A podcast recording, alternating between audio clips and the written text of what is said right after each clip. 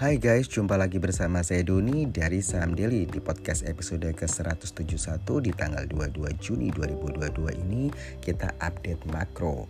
Indonesia bersiap untuk mengantisipasi potensi resesi di Amerika Serikat dan juga memantau kondisi ekonomi di negara Cina.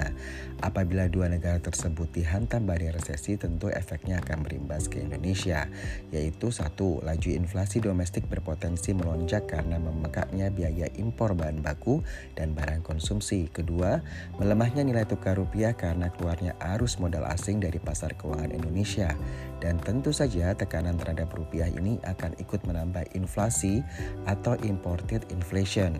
Yang ketiga, imbal hasil atau yield dari surat utang negara ikut meningkat berbanding terbalik dengan harga obligasi.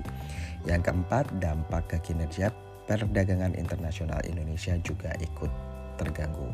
Untuk mengatasi kebijakan The Fed yang diprediksi akan semakin agresif, semakin agresif ya dalam menaikkan suku bunganya, pemerintah bisa menaikkan suku bunga acuan di kuartal 3 2022, menambah subsidi di APBN terutama untuk energi dalam rangka menjaga daya beli masyarakat dan juga menaikkan giro wajib minimum. Nah, jika terjadi resesi di Amerika, berpotensi menekan perusahaan asal Indonesia yang punya exposure ekspor cukup besar ke pasar Amerika. Jadi ekspor Indonesia ke Amerika berpotensi mengalami penurunan, terutama sektor tekstil ya yang berorientasi ekspor. Kalau emitennya misalkan kayak PBRX, Real ya. Selain tekstil yang ekspor ke luar negeri itu misalkan emiten wood ya, WOOD, lalu ada INKP seperti itu. Jadi mungkin teman-teman bisa pelajari ya eh, emiten-emiten mana yang melakukan ekspor yang besar ke Amerika Serikat. Sedangkan sektor keuangan tentu juga akan terimbas ya di mana capital outflow baik dari pasar saham maupun obligasi akan terjadi. Eh, lalu kita baca dari kebijakan pemerintah ini ada royalti progresif, timah yang akan diperlakukan di mana Kementerian Energi dan Sumber Daya Mineral ESDM ini berencana mengubah skema tarif royalti untuk komoditas timah. Nah, tarif royalti yang berlaku saat ini kan merupakan tarif flat. Hal ini mengacu pada peraturan pemerintah nomor 81 tahun 2018 yang menetapkan tarif royalti timah sebesar 3%.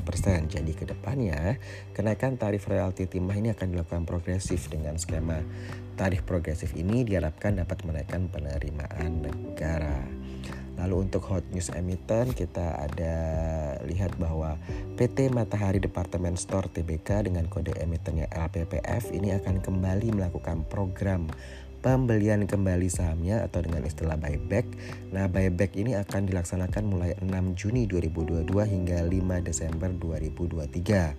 LPPF ini akan buyback 10% dari jumlah saham yang dikeluarkan atau maksimal 262,61 juta saham dengan besar anggaran buyback sebesar 1 triliun. Masih terkait buyback, kita ada PT Adaro Energi Indonesia Tbk dengan kode emitennya ADRO, ADRO ya.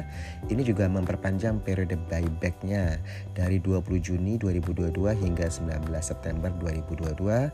Ini dengan anggaran buyback senilai 4 triliun kita juga ada update terkait dengan lemigas ya mengenai blue ya. Jadi Kementerian ISDM ini menunjuk pusat penelitian dan pengembangan teknologi minyak dan gas bumi kita kenal dengan Lemigas ini sebagai badan layanan umum atau blue ya untuk memungut iuran batubara di mana melalui mekanisme ini harga batubara untuk kebutuhan pembangkit listrik PLN akan dilepas ke pasar. Nantinya Lemigas ini akan bertugas untuk memungut iuran dari pengusaha batubara untuk menutup selisih antara harga pasar dan harga untuk DMO yaitu 70 US dollar per ton untuk PLN. Jadi PLN ini bayarnya tetap 70 US dollar per ton ya. Nanti selisih harga batu bara uh, yang 70 70 dolar US uh, 70 dolar per ton untuk PLN itu selisihnya kan dengan HBA. Nah, itu akan ada rasio tarif yang nanti masih akan disiapkan perhitungannya ya. Jadi memang intinya PLN tetap bayarnya itu 70 US dollar per ton. Uh, jadi nanti tuh uh, suppliernya atau pemasok itu akan membuat dua invoice ya. Invoice ke PLN itu tetap 70 dolar per ton dan ada satu lagi invoice ke BLU ya. Nah, jadi supaya hal ini tidak uh, jadi lebih bayar. Jadi benar-benar pas gitu ya.